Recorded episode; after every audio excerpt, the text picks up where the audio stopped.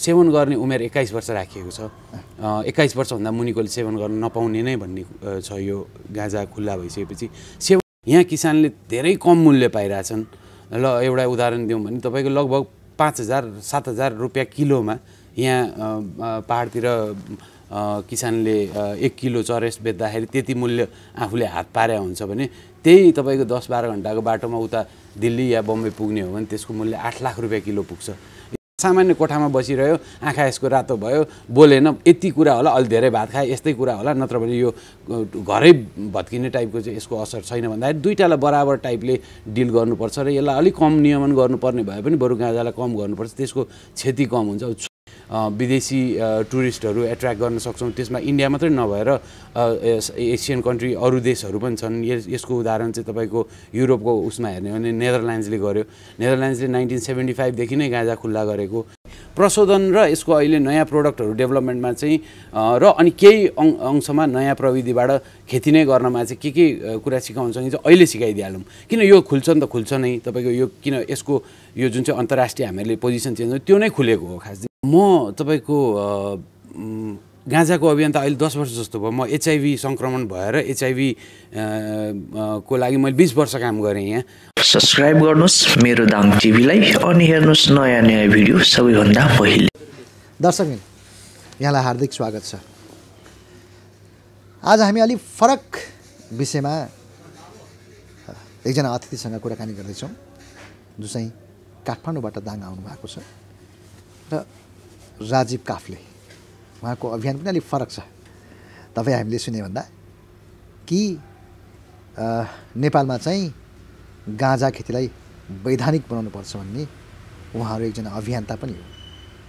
उहाँहरू लामो समयदेखि यो बारेमा नेपालमा बहस सिर्जना गर्दै आउनु भएको छ।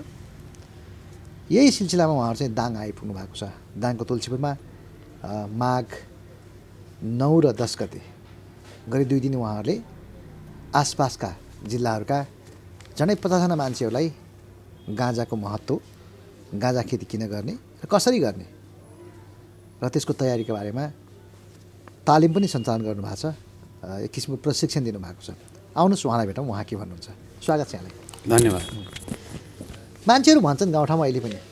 है?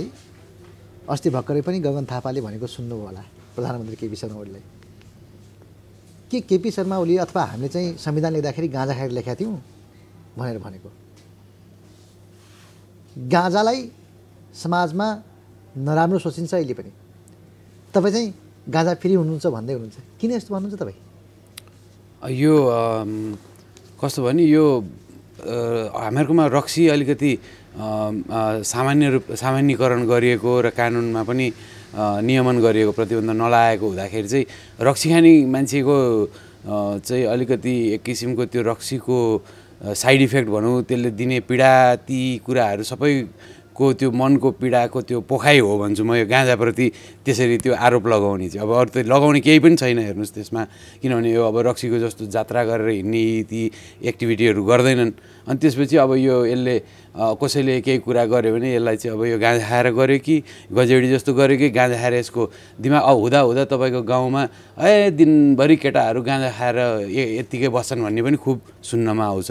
त्यहाँ अरू अरू पनि बसिया हुन्छन् त्यहाँ तपाईँको यत्तिकै बस्ने चाहिँ बेरोजगारीको कारणले गर्दाखेरि अवसर नपाएर हो।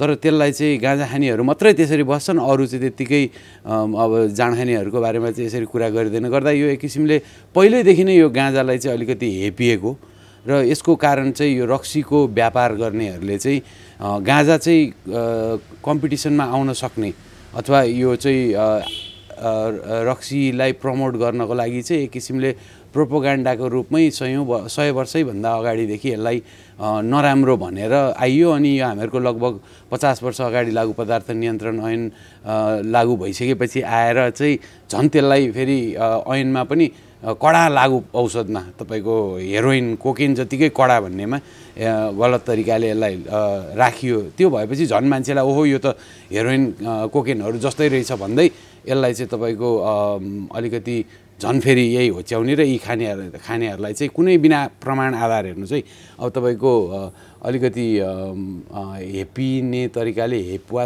प्रवृत्तिले भनियो त्यो चाहिँ अब उहाँ भन्ने मान्छेहरूकै अलिकति सानो मन हो कि हामी त भन्दैनौँ त्यस्तो अरू खानेहरूलाई। सबै आफ्नो जे जे मन छ खानुहोस् हामी पनि त्यही आफ्नो मन लागेको कुरा खान्छौँ भन्ने हिसाबले भन्छौँ। तर क्षतिको हिसाबले अहिले एभिडेन्स हेर्ने साइ साइन्टिफिक वैज्ञानिक आधारहरू हेर्ने हो भने त यो त रक्सी या चुरोट अरूभन्दा त धेरै कम हानिकारक कुरा छ। गर्दाखेरि चाहिँ यो अनि त्यो यो कानुनी रूपमा पनि अन्यायपूर्ण स्थितिमा रहेको भएर हामीहरू चाहिँ नियमन गरेर यसलाई पनि रक्सी जत्तिकै गरेर पसलमा देऊ एउटा उमेर समूहकोलाई देऊ। तर यो त्योभन्दा हानिकारक कुरालाई चाहिँ बजारमा दिने तर त्योभन्दा कम हानिकारक कुरालाई चाहिँ नदिनु चाहिँ अलिकति न्यायपूर्ण भएन भनेर हामीले यो आन्दोलन अथवा यो अभियान चाहिँ सुरु गरेर यहाँसम्म पुगेका छौँ यहाँकै शब्दमा भन्ने भने होइन? मदिरा व्यापारीहरूले अफवाह फैलायो भन्न खोज्नुभयो गाँजाको बारेमा। हो। तर सोसाइटीमा अघि यहाँले पनि भन्नुभयो होइन? गाँजा खानेहरूलाई लफङ्गा। अलिकति गाँजा खाने मान्छेहरू त्यहाँ बस्छन् भन्ने डर त्रास। त्यो किसिमको एउटा मेन्टालिटी छ नि त सोसाइटीमा होइन? हो गाँजा बुझाइ गलत हो कि यो यो पनि कसैले फैलाएको अफवाह हो? होइन त्यो एउटा त कानुन भने नि मैले। कानुनमा गाँजालाई र हेरोइनलाई एउटै ठाउँमा लगेर राखिदिएपछि चाहिँ मान्छे डराए। यो त हेरोइन त यो अलिक कडा खालके लागु औषध हो। अनि त्यो त्यो चाहिँ तपाईँको अहिले भर्खरै यो केही समय अगाडि आएर चाहिँ युएनले यसको औषधीय गुण चाहिँ छ भन्ने कुरा प्रमाणित नहुन्जेलसम्म त मान्छेले यसलाई त सबभन्दा खराब हेरोइन कोकिन जत्तिकै खराब क्याटेगोरीमा राखेको हुँदाखेरि यसलाई चाहिँ आफूले अध्ययन नगरिकनै पनि यसलाई यसलाई चाहिँ खराबमै दर्ज गरे। किनभने आफूले नखाने सेवन नगर्ने भइसकेपछि यसमा त्यति कसैले पनि सकेसम्म त्यो ड्रगका कुराबाट टाढै रहँ भनेर त्यो कुराको के हो भित्री कुराहरू हेर्न नचाहेको हुँदाखेरि हो तपाईँको यो अनि रक्सीकैमा पनि हेर्नुहोस् न तपाईँको रेक्स रक्सीको अहिले हामीहरूको जुन चाहिँ घरमा बनाउने रक्सी प्रतिबन्ध गरेर तपाईँको बजारमा बाहिरबाट आउने रक्सी चाहिँ बिक्री गर्नमा पनि त ती ठुला रक्सी कम्पनीका केही हात होलान् भन्ने त लाग्छ हामीहरूलाई यसो हेर्दा। त्यहीमै भित्र त त्यतिको भेदभाव छ र त्यसरी अन्यायपूर्ण तरिकाले गरिराखिया छ भने तपाईँको अनि गाँजालाई पनि केही केही हदसम्म चाहिँ त्यताबाट पनि असर भएको हो। भन्ने लाग्छ हामीलाई। यो षड्यन्त्रको शिकार भयो त्यसो भए। षड्यन्त्रै त नभनौँ उनीहरू व्यापार गर्नको लागि आएका थिए उनीहरूले आफ्नो व्यापार गर्नलाई अर्को कम्पिटिटरलाई हटाउनु पर्ने थियो भने त्यो मौका उनीहरूलाई जुर्यो त्यति बेला यो पचास वर्ष अगाडि। तर यो अहिले फर्किँदैछ खोला फर्कियो तपाईँको। यो युएनको निर्णयसँगै नेपालले पनि वैज्ञानिक तथ्यको पक्षमा भोट गर्यो। यो एकदम गाह्रो भोट थियो। तपाईँ नेपाल अमेरिका बेलायत भारत थाइल्यान्डले गाँजा औषधिजन्य गुण हो भनेर डब्लुएचओले दिएको रेकमेन्डेसनलाई को पक्षमा भोट गरेको र चाइना रसिया आदि गरेर पच्चिसवटा अर्को राष्ट्रले चाहिँ फेरि यसलाई होइन यसलाई प्रतिबन्धितै राखिरहनुपर्छ। विपक्षमा भोट गरेको हो भन्दा त्यो चाहिँ साइन्टिफिक आधार छैन उनीहरूले विपक्षमा गरे।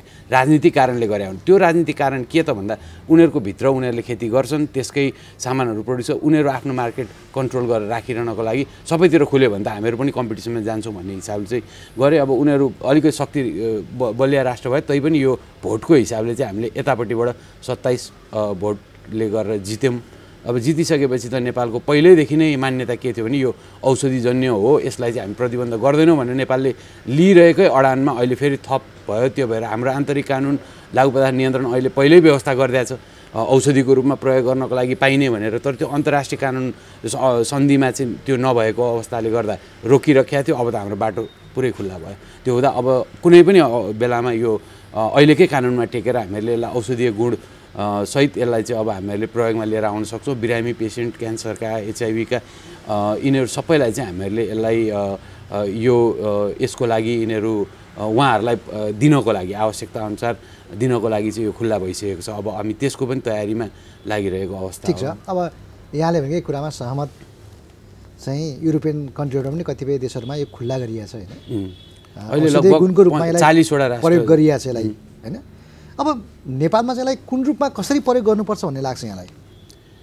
रक्सी जस्तै सर्वत्र खुल्ला हुनुपर्छ जसले पनि किनेर खान पाउनुपर्छ भन्ने हो कि? यो पनि निश्चित मापदण्ड हुनुपर्छ क्राइटेरिया हुनुपर्छ भन्ने लाग्छ यहाँलाई। क्राइटेरिया हुनुपर्छ तपाईँको उमेरको बार हुनुपर्छ। यसमा यो जुन चाहिँ एउटा अहिले प्रस्तावित विधेयक भनौँ यो जुन चाहिँ सङ्घीय संसदमा अलि अगाडि प्रस्तुत भएको विधेयकको सदन नै विघटन विघटन भयो। तर त्यो विधेयकको फ्रेमवर्क अलिकति भनौँ म तपाईँलाई। त्यसमा के छ भन्दाखेरि सेवन गर्ने उमेर एक्काइस वर्ष राखिएको छ।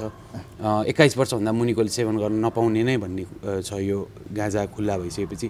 सेवनको त्यति छैन। त्यसमा खेती र खेती गरेर त्यसबाट उत्पादन गरेको र मेटेरियल र त्यसबाट एक्सट्र्याक्ट गरेकोलाई चाहिँ हामीहरूले फार्मास्युटिकल इन्डस्ट्री जहाँ अरूलाई एक्सपोर्ट गर्ने भन्ने कुराहरू छ भने यो किसानलाई फोकस गरेर बनाइएको खेतीलाई फेरि यो माटोलाई फेरि उर्वर बनाउने र फेरि विदेशमा भएर यति उ गरेर बसिरहे दुःख गरेर बसिरहेकोहरूलाई फेरि यहाँ रिटर्न गराउने यी कुराहरूकै वरिपरि छ। तर अनि उमेर हदको हिसाबले चाहिँ रक्सी अठार वर्ष भएको हुँदाखेरि यदि गाँजालाई एक्काइस राखिन्छ भने रक्सीलाई पनि अठ अठारबाट बढाएर एक्काइस लिएर जानुपर्छ भन्ने पनि हामीहरू छलफल गरिरहेको छौँ तर अहिले प्रस्तावित विधेयकमा चाहिँ एक्काइसको राखिएको छ। अब त्यो हुँदाखेरि तपाईँको अब नियमन हुनुपर्छ। यसको रक्सीलाई पनि अझ योभन्दा राम्रो तरिकाले नियमन गर्नुपर्छ।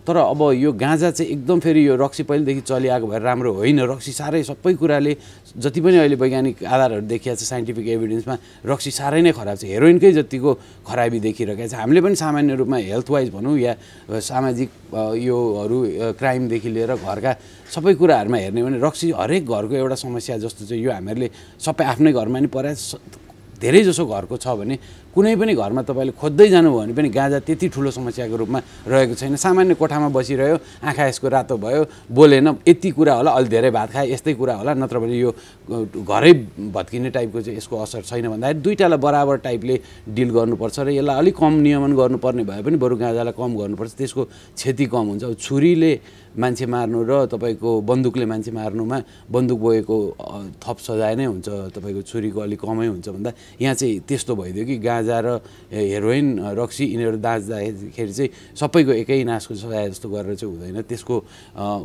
त्यो ग्राभिटी त्यसले पुर्याउने असरको आधारमा सजाय पनि निर्धारण हुनुपर्छ। अहिले त पुरै अन्याय छ। गाँजालाई त तपाईँको साह्रै तपाईँको अप्ठ्यारोमै पारेका छन्। जब यो त्योभन्दा कडा अरू लागु औषधहरू रक्सी चुरोट नै खुल्लम खुल्ला बजारमा पाइरहेको अवस्था छ। हजुर। जस्तो त्यही गाँजा होइन? त्यसको फल हामी अचार खान्छौँ भाङ्गो भन्छौँ क्या त्यसलाई होइन? हाम्रो यहाँको रैथाने भाषामा त्यसको पात गाँजा भन्छ क्यारे होइन? र त्यसको बोक्राहरूबाट लत्ता कपडा पनि बन्छ। एउटा अभियन्ता भएको नाताले यो चाहिँ किन यहाँले खुल्ला गर्नुपर्छ भन्ने ठान्नुहुन्छ? यसका औषधि गुण त यहाँले भनिहाल्नुभयो अघि होइन के के अलिअलि।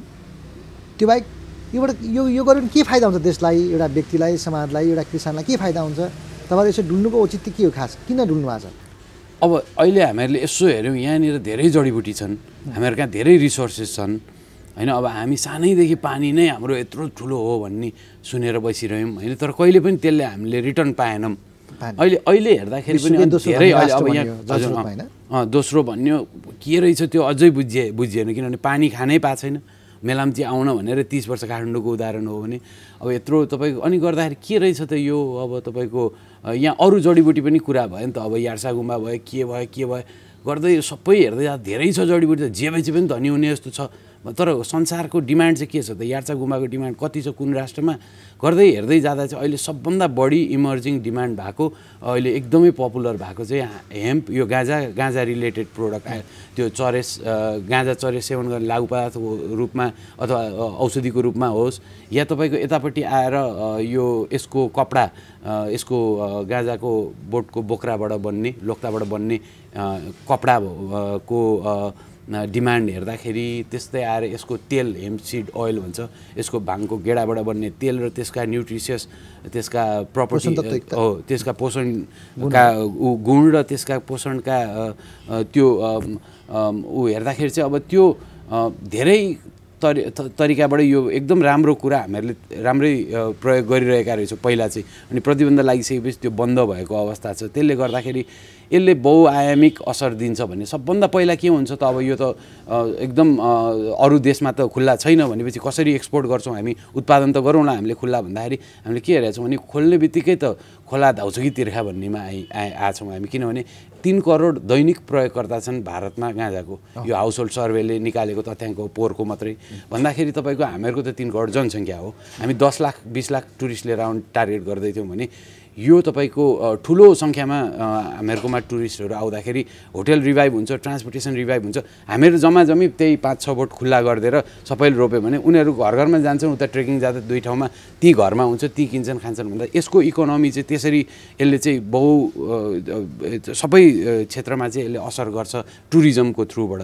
अनि बिस्तारै अब यसमा हामी अलिकति चार पाँच वर्ष चाहिँ यसलाई लाग्छ किनभने हामी पचास वर्षदेखि यसको ज्ञान सबै हामीहरूकोमा जिरो भएर गइसक्यो। मास्दै आएको गाँजाको बोर्डदेखि मास्ने? मास्ने अनि कुरै नगर्न चाहने। अनि बाजे बजैलाई थाहा थियो यसको नलेज बारेमा तर त्यो कहिले पनि नाति नातिनालाई ट्रान्सफर भएन। बरु खोर्सानी रोप्ने अरू काउली रोप्नेहरूमा अलिकति भयो होला तर यो चाहिँ अब यो नराम्रो कुरा नै भन्ने हिसाबले त्यो नलेज ट्रान्सफर नहुँदा अहिले अब हामी अलिक पछाडि परेको छौँ। यो तालिम हामीले सञ्चालन गर्नुको एउटा उद्देश्य त्यो पनि हो कि अलिकति अहिलेको मोडर्न नलेज साइन्स कुरा चाहिँ अहिलेको इन्ट्रेस्टेड पुस्तालाई ल्याउँ भन्दा के देखियो भने खुसीको कुरा एकदम यङ पुस्ताहरू जो चाहिँ यो यो यो गाँजासँग एसोसिएट हुने उनीहरूले त्यसलाई चाहिँ एउटा भ्यालुएबल क्यास क्रप देख्ने भनेको अठारदेखि पच्चिस का युवाहरूको ठुलो सङ्ख्या चाहिँ कृषिमा आउन आउ आए यो यो आउँदैछ। बिरुवाको आउँदैछन् हुँदैछ। अहिले अहिले हामी यो गर्दै जाँदा पनि यही हामीले यो गाँजाकै अभियानमा पनि रोप्ने कुराहरूमा यी कुराहरू गर्दा उनीहरू इन्ट्रेस्टेड भएर अहिले अब कोहीले कौसीमा कोहीले केमा सिक्दैछन् भने उनीहरू भोलि गएर अब काउली पनि रोप्छन् भने यो हामीहरूको जुन चाहिँ मरुभूमि बन्न लागेका जमिनहरू छन् खाली भएका जमिनहरू छन् यी फेरि पनि यसले गाँजाको बोट छेउछेउमा रोपेला तर भित्र अरू तरकारीहरू आदि इत्यादि गर्दा यसले फेरि रिभाइभ पाउँछ भन्ने हिसाबले यसको तपाईँको धेरै छ लामै छ तपाईँको यसको फाइदाहरू चाहिँ तर फेरि धेरै लामो फाइदाहरू एकदमै एम्बिसियस हुँदा पनि मान्छेले नपत्याउलान्। यति नै ठुलो भइहाल्छ भन्ने हुँदा तर सामान्य रूपमा अहिले तत्कालको लागि हामी विदेशी टुरिस्टहरू एट्र्याक्ट गर्न सक्छौँ। त्यसमा इन्डिया मात्रै नभएर एसियन कन्ट्री अरू देशहरू पनि छन्। यस यसको उदाहरण चाहिँ तपाईँको युरोपको उसमा हेर्ने हो भने नेदरल्यान्ड्सले गर्यो। नेदरल्यान्ड्सले नाइन्टिन सेभेन्टी फाइभदेखि नै गाँजा खुल्ला गरेको। अनि एम्स्टरड्याममा अहिले सबभन्दा हाइएस्ट यङ टुरिस्टको अराइभल हुन्छ। एभ्री इयर लगभग पच्चिस लाख जस्तो टुरिस्ट अराइभल हुने सिटी हो। त्यो जम्मा जम्मी त्यहाँनिर अठार वर्ष पुगेका युवाहरू अल अल ओभरका युरोपका युवाहरू पहिलोचोटि गाँजा चाख्न जान्छन् त्यहाँ लिगल भएको हुँदाखेरि। अनि त्यसबाट अब सबैले खाँदैनन् दुई चारजनाले खालान् अरू सबैले अब एकचोटि चाख्छन् र फर्किन्छ त्यतिकै लागि पनि त्यहाँ त्यत्रो ठुलो टुरिज्म भएको छ भने यो चाहिँ का काठमाडौँ अथवा नेपाल चाहिँ हामीहरूको भोलि गएर यो युरोपको एम्स्टरड्याम जस्तो खालके हुनसक्छ र त्यसले त्यो खालके टुरिज्म लिएर आयो भने ओभरअल धेरैवटा सेक्टरलाई चाहिँ असर गर्छ। पहिलो तुरुन्त अनि त्यसपछि बिस्तारै हामी यसमा यसलाई उमारेर यसको अ, औषधीय जन्य तत्त्वहरू निकाल्दै गइसकेपछि हामी यसलाई अलिक बल्कमा इन्डियालाई यो जहाँ फार्मास्युटिकल इन्डस्ट्रीहरू छ हामीहरूकै आफ्नै आयुर्वेदिक र इ फार्मास्युटिकल इन्डस्ट्रीलाई चाहिने आवश्यक तत्त्वहरू चाहिँ बिस्तारै हामी सप्लाई गर्न सक्ने हुन्छौँ। त्यसपछि बिस्तारै अब गाँजा यसको अर्को के छ भने तपाईँ नेपालबाट यो हिप्पीहरूले लिएर गएर यो संसारभरि फैलाएको हुँदाखेरि चाहिँ यसको अलरेडी इस्ट्याब्लिस मार्केट छ। अहिले जहाँ लिगल भएका ठाउँहरूमा हेर्ने हो भने तपाईँको एक नम्बरमा सबभन्दा महँगो चरेस नेपालकै चरेस भनेर गनिन्छ। तपाईँले यो नेदरल्यान्ड्स एम्स्टरड्यामतिर कफी सप अथवा क्यालिफोर्निया लिगल भएको ओन्टारियो क्यानाडा यतातिरको त्यो गुगल सर्च गरेर हेरेर त्यहाँको मेन्यु हेर्नुभयो भने एक नम्बरमा बुद्ध या हिमाल या या शिव या नेपालै भनेर ब्रान्ड नै भइसकेको छ भने हामी हाम्रो नहोला त्यो यहाँबाट नगएको पनि होला। उही नै उनीहरूले बनाएको तर नेपालबाट ओरिजिनेट भएको कुरा हो यो। यो चाहिँ तपाईँको सेभेन्टिज पछि त्यसरी फैलिएको हुँदा। अब त्यहाँनिर तपाईँको हामीलाई ब्रान्ड इस्टाब्लिस गर्नु नै छैन। हामी त्यत्तिको अ, भयो भने त त्यत्तिकै डिमान्ड हाम्रोमा यहाँ आउँछ। र हामीहरूको यो वातावरणको हिसाबले पनि बाहिरतिर ग्रिन हाउसमा गर्छन् यो उत्पादन। गर्दाखेरि तपाईँको लगभग पच्चिस डिग्री सेल्सियसको टेम्परेचर यो यो सबै मिलाउनु पर्ने हुन्छ। कस्ट अफ प्रोडक्सन उत्पादन खर्च लगभग पाँच डलर छ डलर पर ग्राम पर्न जान्छ भने हामीहरूको यहाँ सूर्यले त्यो काम गर्छ। पुरै देशै एउटा ग्रिन हाउस जस्तो त्यही। त यहाँ त तराईमा पनि गाँजा जागिरा हुन्छ होइन हुन्छ। एकदमै हिमाली प्रदेशमा पनि त्यसले गर्दा। चाहिँ हामी धेरै प्रड्युस गर्न सक्छौँ अनि त्यसलाई चाहिँ राम्रो बेस्ट प्रोडक्ट बनाएर बेच्नको लागि ब्रान्डेड मार्केट अलरेडी पनि छ भने त यसले त ठुलो रिटर्न दिने त अभियस छ यो सिम्पल अहिले यो जुन तरिकाले यस- यसलाई हेला गरिएको छ नि त्यसले गर्दा अलिकति प्रकाण्ड विद्वानहरू अलिकति साइ यो के अरे इकोनोमिक्सका उहरू आइदिएर यो बहस गरेर यसको खोतल्ने हो भने त दुई दिनमा यति कन्भिन्सिङ आर्गुमेन्ट निकाल्न सक्नु होला इकोनोमिक पर्सपेक्टिभबाट अहिलेको जस्तो अप्ठ्यारो सिचुएसनमा देश परेको बेला भने तर अब यही हो अलिकति ड्रग भनेर गाँजा भनेर अलि हेपेको हुँदा त्यस्ता प्रकाण्ड विद्वानहरू हुनुहुन्न। अनि हामी जस्ता अलिकति खाने पनि यो गर्ने जे जे जानेका छौँ हजुरहरूले सोधिदिनु भयो त्यो कुराहरू बताइरहेको छौँ तर त्यस्ता विद्वान आइदिनु पऱ्यो यो कुरा गर्न ताकि हाम्रो पावरमा बसेको व्यक्तिहरूलाई पनि ए यस्ता खाने मान्छेले कुरा गरे होइन कि साँच्चीकै विद्वानले गरेका कुरा सुनेर यिनीहरूले चाँडै नै यसलाई लागू गर्दैनन् भने देशलाई धेरै ठुलो सङ्कटबाट यसले जोगाउनेवाला छ। यस्तै अप्ठ्यारो सिचुएसनमा नि हामी तपाईँको केही आशा देखिरहेछौँ कि यो अहिलेको ल लथालिङ्ग केही नभएकोमा पनि यही देशमा बसेर केही हुन्छ अझ अब हुँदैछ है भन्ने आशा देखिरहेछौँ भने यसको साँच्चीकै यसको राम्रै तपाईँको भविष्य छ भन्नुहुन्छ। ठिक छ। अब यहाँ धेरै कुरा गर्नुभयो होइन। नेपालमा पनि एक दिन त छुट हुन्छ। शिवबुटी भन्छन् क्यारे होइन? शिवरात्रिको दिन। हजुर। तर यो गाँजा खानेहरूलाई यहाँले अघि भने जस्तै रात आँखा लगाउने होइन? घर गृहस्थी नगर्ने सन्त साधु हुने भन्ने खाले कुरा गर्छन्। अर्कोतर्फ हेर्दाखेरि हाम्रो धर्म संस्कारले पनि शिवबुटी भन्छ। यसो केही न केही त महत्त्व छ होइन? अनि यो कुरालाई यहाँले व्यक्तिगत रूपमा तुलना गर्दाखेरि कसरी हेर्नुहुन्छ? यसका फाइदा अघि यहाँले केही त भन्नुभयो। यो सेवन गर्ने मान्छेलाई खासमा के फाइदा हुन्छ अथवा नगर्नेलाई के असर हुन्छ? यो औषधि गुण भनिन्छ नि। के हुन्छ यसमा? खास किन यसलाई खुल्ला गर्नुपर्छ भन्ने यसले लगभग तिस बत्तिसवटा मेडिकल कन्डिसन्सहरूलाई हेल्प गर्छ भन्ने छ। अहिले जस्तो थाइल्यान्डले भर्खरै खोल्यो एक वर्ष डेढ वर्ष भयो। उसले अहिले तिस तिसवटा जस्तो कन्डिसनमा दिन्छ। आयुर्वेदको थ्रुबाट पनि दिन्छ एलोप्याथीको थ्रुबाट यसमा तपाईँको सबभन्दा टपमा पर्ने क्यान्सर भयो अल्जाइमर्स भयो पार्किन्सन्स भयो एचआइभी भयो यी मेजर तपाईँको यो लाइफ थ्रेटनिङ अथवा एकदम रिस्की टाइपका इन्फेक्सन्सहरू पेनफुल हुने कुराहरू यसमा पेन रिलिफ गर्छ सबभन्दा एउटा प्रपर्टी। यसले यो यो सेवन गरिसकेपछिको त्यो जुन चाहिँ एकदमै साह्रो पेन भएर कुनै पनि औषधिले या अरू औषधिले गर्दाखेरि त्यो औषधिको साइड इफेक्टले पनि झन् मार्ने खालके भन्दा यसको साइड इफेक्ट रहित पेन रिलिफ गर्नको लागि यसले काम गर्छ। कुनै किसिमको पनि पेन र खाएर मात्रै होइन तपाईँको घुँडामा पेन छ भने त्यसको त्यो त्यहाँ तपाईँले दल्नुभयो भने त्यो त्यो छालाले सोचेर पनि त्यसको त्यो रिलिफ गर्ने सम्मको त्यतिको राम्रो त्यो लोकल एनेस्थेसिया जतिको स्ट्रेन्थ भएको यसको गुणहरू छ। त्यस्तै आएर तपाईँको खाना भोक जगाउने सबैले सुनेकै कुरा हो। हँसाउने भजन गाउने शान्त साधु सन्त बन्ने यी त राम्रा कुरा हुन् कुनै ड्रग खाए जस्तो यो चाहिँ उग्र बनाउँदैन। हो भनेपछि अब तपाईँको त्यो एकातिर त्यो छ। अनि फेरि एकातिर तपाईँले भन्नु शिवजीसँग जोडिएको छ। शिवजी देवादि देव भन्छन्। देवादि देव भन्ने छ भने त्यत्र देवादि देवसँग जोडिएको यदि गलत कुरा हुन्थ्यो भने त त्यहाँनिर काटिसक्थ्यो त ती त्यसका शिवजीका रक्षकहरूले कि हाम्रो भगवान्सँग किन तिमीहरूको यो खराब कुरा जोड्न लिएर आइरहेछौ भनेर आजसम्म किन भइरहेछ भने त्यसको राम्रै गुण भएको भएर ठुलै भगवान्सँग जोडिया हो यो। अनि लड्डु सड्डु भइदियो गणेशसँग जोडिने जोडिन्थ्यो होला। यो ठुलैसँग जोडिएको यो एकदमै महत्त्वपूर्ण जडीबुटी हो। क्रमले आएर यही चालिस पचास वर्ष अगाडिसम्म त खुल्लै थियो त।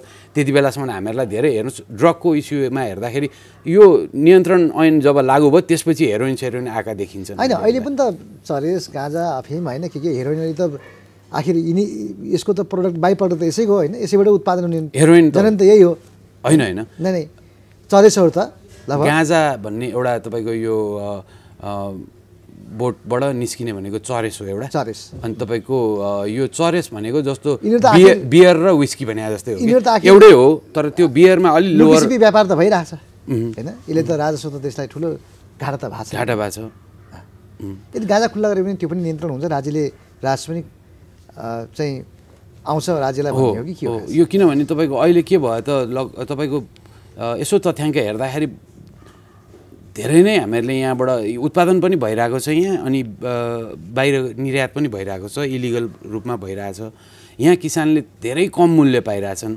ल एउटा उदाहरण दिउँ भने तपाईँको लगभग पाँच हजार सात हजार रुपियाँ किलोमा यहाँ पाहाडतिर किसानले एक किलो चरेस बेच्दाखेरि त्यति मूल्य आफूले हात पारे हुन्छ भने त्यही तपाईँको दस बाह्र घन्टाको बाटोमा उता दिल्ली या बम्बई पुग्ने हो भने त्यसको मूल्य आठ लाख रुपियाँ किलो पुग्छ। यो बिचमा चाहिँ यो न किसानले पाउने भयो यो बिचको नाफा सात लाख पन्चानब्बे हजार अथवा सात लाख नब्बे हजार चाहिँ न त्यसबाट रासो एक एउटा उठ्ने भयो। यो चाहिँ सबै बिचकोले खाने भयो बिचौलियाले खाने भयो। र अहिले किसान पनि मारमा परेर किन जेल उनीहरू जान्छन् रोप्दाखेरि लट्ठी उनीहरूले खान्छन्? यो बिचको मान्छे कोही पनि जेलमा पनि परेको देखिएन किनकि ट्रक ड्राइभर या गाडी जसले सामान लिएर गइरहेको छ भरियाहरू नै परेका र जेलको तथ्याङ्क हेर्दा पनि लगभग नौ हजार भन्ने छौँ हामीले लगभग पच्चिस हजार कैदीमध्ये आठ नौ हजार यो अफेन्सेसमा रहेकाहरू सबै नै गाँजा सेवन गर्दा गाँजा अथवा ओसार सेवन पसार भन्दा पनि ओसार पसारमा मुख्य गरिकन त्यो एकदमै गाह्रो परेर मात्रै त्यो रिस्क लिएको अथवा रोपेको एकदमै गाह्रो खाना हातमुख जोड्नै गाह्रो। यसको त राम्रै मार्केट होला जस्तो देखियो है भविष्यमा इन्डियामा तिन। करोड दैनिक युजर छन् भनेपछि सरले अब यसो हेर्नुहोस् हामीहरूले एउटै मार्केट मात्रै हेर्ने हो भने टाढा पढाउ समुद्र पार पठाउनै परेन। है। तपाईँको अहिले नै पनि। हामीहरू लगभग साठी पर्सेन्ट इन्डियाको मार्केट चाहिँ हामीहरूकोबाट जान्छ भन्छ। होइन इलिगल हुँदाखेरि नै। अब दुवैतिर लिगल भयो हामीहरूको एउटा ट्रेडमा राम्रै फेयर रिलेसन भएर हामी अलिकति धनी भएपछि त हामीलाई नि पेल्न सक्दैन नि त यिनीहरूले त गरिबै भएर पेला हुन् नि त होइन ज- कुरा नि। भनेपछि अलिकति हामी अगाडि नै यो गऱ्यौँ कार्यक्रम भनेर अलिकति तयारी भयौँ भने पेल्दैन नि यिनीहरूले। जबरजस्ती यो बिसादिहाल्यो अब तरकारी खाए पनि भन्दैनन्। हामीहरूले पनि अलिकति हाम्रो बोर्डर कन्ट्रोल गर्न सक्ने स्थिति हुन्छ। नत्र त हामीहरू हेर्नुहोस् पच्चिस वर्षदेखि यही टिडिजेसिक नाइट्रोसन ट्याब्लेट आदि इत्यादि सबै त्यहीँबाट आउने नै हो। त्यहीँ बोर्डर वरिपरि मात्रै दोकान छन् हाम्रोतिर पाइँदैन। औषधि दोकान उनीहरूकैतिर सप्लाई गरेर त्यहाँदेखि अलिक पर गोरखपुर जानुहोस् या दिल्ली जानुहोस् त्यहाँ पनि दिँदैन त यी फेन्सिडिल किन चाहिँ बोर्डर बोर्डरमा चाहिँ राखेर बेचाछन् भन्ने कुरा पनि गहिरेर सोच्नुपर्ने बेला आइसक्यो। बिस पच्चिस वर्ष भयो हामीहरूको युवा यहाँ। अहिले दाङमा तपाईँको हेरोइन पाउन सहिलो छ गाँजा पाउन गाह्रो छ। अब विडम्बना हेर्नुहोस् त। जुन चाहिँ एकदमै कम असर गर्ने औषधिजन्य गुण भएको कुरा चाहिँ पाउनलाई गाह्रो भयो तर त्यो धेरै अलि नाफा हुने तर धेरै तपाईँको धेरै हानिकारक चाहिँ स्वास्थ्यलाई। तपाईँको एकदमै व्यापार त्यो चाहिँ तपाईँको धेरै नै सजिलै पाए भनेपछि त यो अझ अहिलेको पुस्ता पनि अब तपाईँको त्यही नै बाटोमा जाने भयो भन्दाखेरि यसलाई हामीहरूले अलिकति गहिरेर हेर्नुपर्ने स्थिति आइसकेको छ। एउटा राष्ट्रिय सुरक्षाकै हिसाबले पनि त्यो हुँदाखेरि तपाईँको यो अब यी यस्ता गहिरा कुराहरू अलिकति तपाईँको यो ड्रग भएको कारणले धेरै ध्यान दिएनन् कि कसैले पनि तपाईँको यो ए ड्रगको कुरा के यो बोल्न पनि कुरा गरौँ न यसरी होइन? अब नेपालले पनि पक्ष राख्छ राष्ट्र पक्षमा सिग्नेचर गरेको छ चाहिँ सायद युरोपियन कन्ट्रीमा भएको यो उसमा होइन? भर्खर धेरै पनि भएको छैन भएको। हजुर। र यो चाहिँ सदनमा पनि टेबल भएको छ यो। हजुर। यो चाहिँ वैधानिकता दिनुपर्छ भन्ने हिसाबले। तपाईँहरू यहाँ आएर त्यस्तो बहस पनि अहिले के छ भन्दाखेरि अब गाँजा चाहिँ उपयुक्त है यसलाई बन्द प्रतिबन्ध लगाउनु न भन्ने खालको किसिमको माथिबाट नै बहस पनि सिर्जना भएको छ एउटा बौद्धिक वर्गले बहस सिर्जना गरेको छ होइन?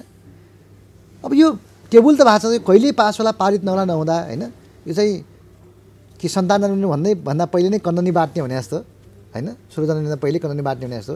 त्यो पास भएको छैन तपाईँहरू यहाँ पहिल्यै आएर यसो गर्नु गर्दाखेरि अहिले तपाईँले हतार गरे जस्तो देखिन्छ कि ठिकै हो पहिलेदेखि हामी जब चाहिँ जनतालाई तयारी पार्दै गरौँ भन्ने खालको के हो खास यो? यो एकदम सही एकदम अ, सोधिनै पर्ने प्रश्न सोधिदिनु हो मैले किन भन्दाखेरि यो म योभन्दा अगाडि थाइल्यान्डमा काम गरिरहेको थिएँ तिन वर्ष यही ड्रग सम्बन्धी काम गर्थेँ ड्रग पोलिसी सम्बन्धी। अनि थाइल्यान्डले त्यही बिचमा यसलाई लिगल गरायो कि यो गाँजालाई। अनि त्यो बेलामा चाहिँ सोचेको थिएन उनीहरूले अब यो त्यतिको डिमान्ड होला यसको त्यस्तो होला भनेर किन कृषि कृषि अ, मा अगाडि नै हो थाइल्यान्ड है। कृषिमा निर्भरै हो। उनीहरूले कृषकहरू धेरै नै छन् प्रविधिहरू सबै राम्रो छ।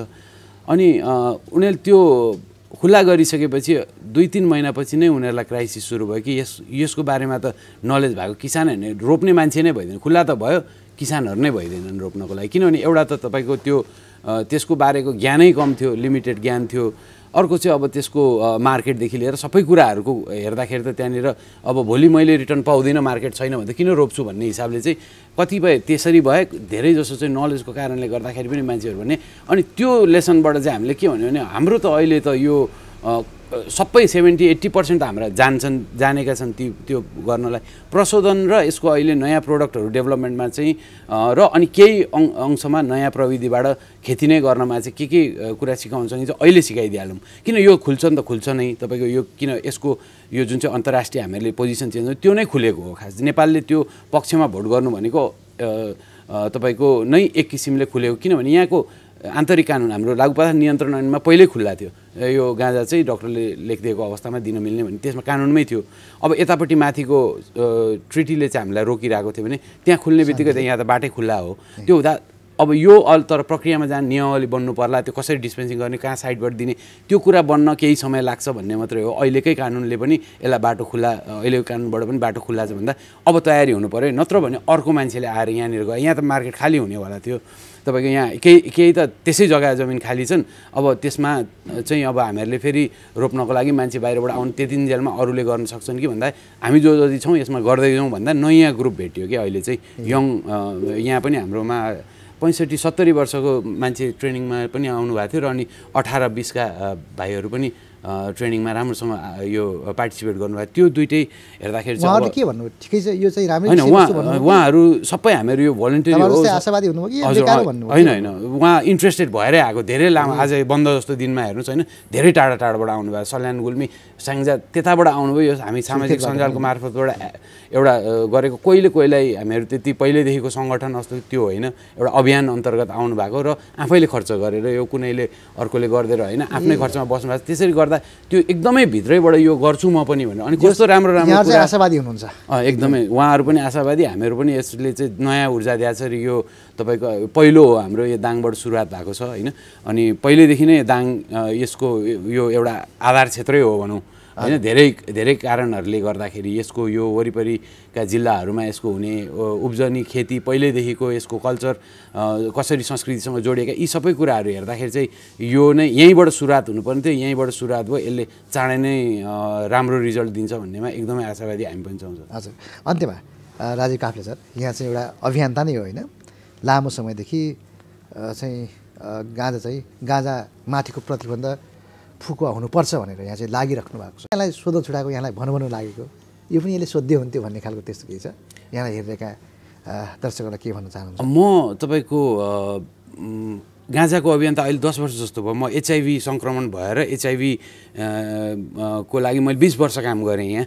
अनि अहिले म बिस वर्ष जस्तो एचआइभी भएर बसिरहेको छु। मलाई औषधि चाहिने भयो क्या। यो गाँजाले मात्रै मेरो यो दुखाइहरू कम गर्ने भयो। औषधि एचआइभीका औषधिका साइड इफेक्ट आदि इत्यादि अब बुढेसकालले गर्दा। अब मैले जम्मा जम्मी मागेको तपाईँको हाम्रो प्रधानमन्त्रीज्यूसँग होइन महान हुनुहुन्छ उहाँ होइन। उहाँसँग मागेको भने यति हो कि म यही देशमा बस्न चाहन्छु। मलाई त अहिले अमेरिका क्यानाडा गएर उनीहरूले त्यहाँ खान दिन्छन् यो औषधि हो तेरो आएर तैँले खाएर यहाँनिर तँलाई त्यति गाह्रो भएको छ भने आइज बस भन्छन्। किनभने उनीहरूका खुल्ला भइसक्यो। तर म मेरै देशमा बस्न चाहन्छु। अब यत्रो वर्ष त बसिसक्यो भन्दा यहीँ बसेर मलाई खानको लागि औषधिको रूपमा मागे हो मैले। मैले यति वर्ष यो यो क्षेत्रमा काम गरेँ। आफै सङ्क्रमित बाँचिरहेको छु निको पो हुन्छ कि भन्ने आश लाग्यो। कि क्यान्सर कतिवटा निको भयो न्युज आए। भन्दाखेरि अनि मलाई लाग्यो कि ए ए भनेपछि त यता हाम्रा पनि बिस पच्चिस हजार मान्छे त यही कहिले निको हुने औषधि आउला भनिरहेको छ। कतै औषधि त हाम्रै वरिपरि पो होइन।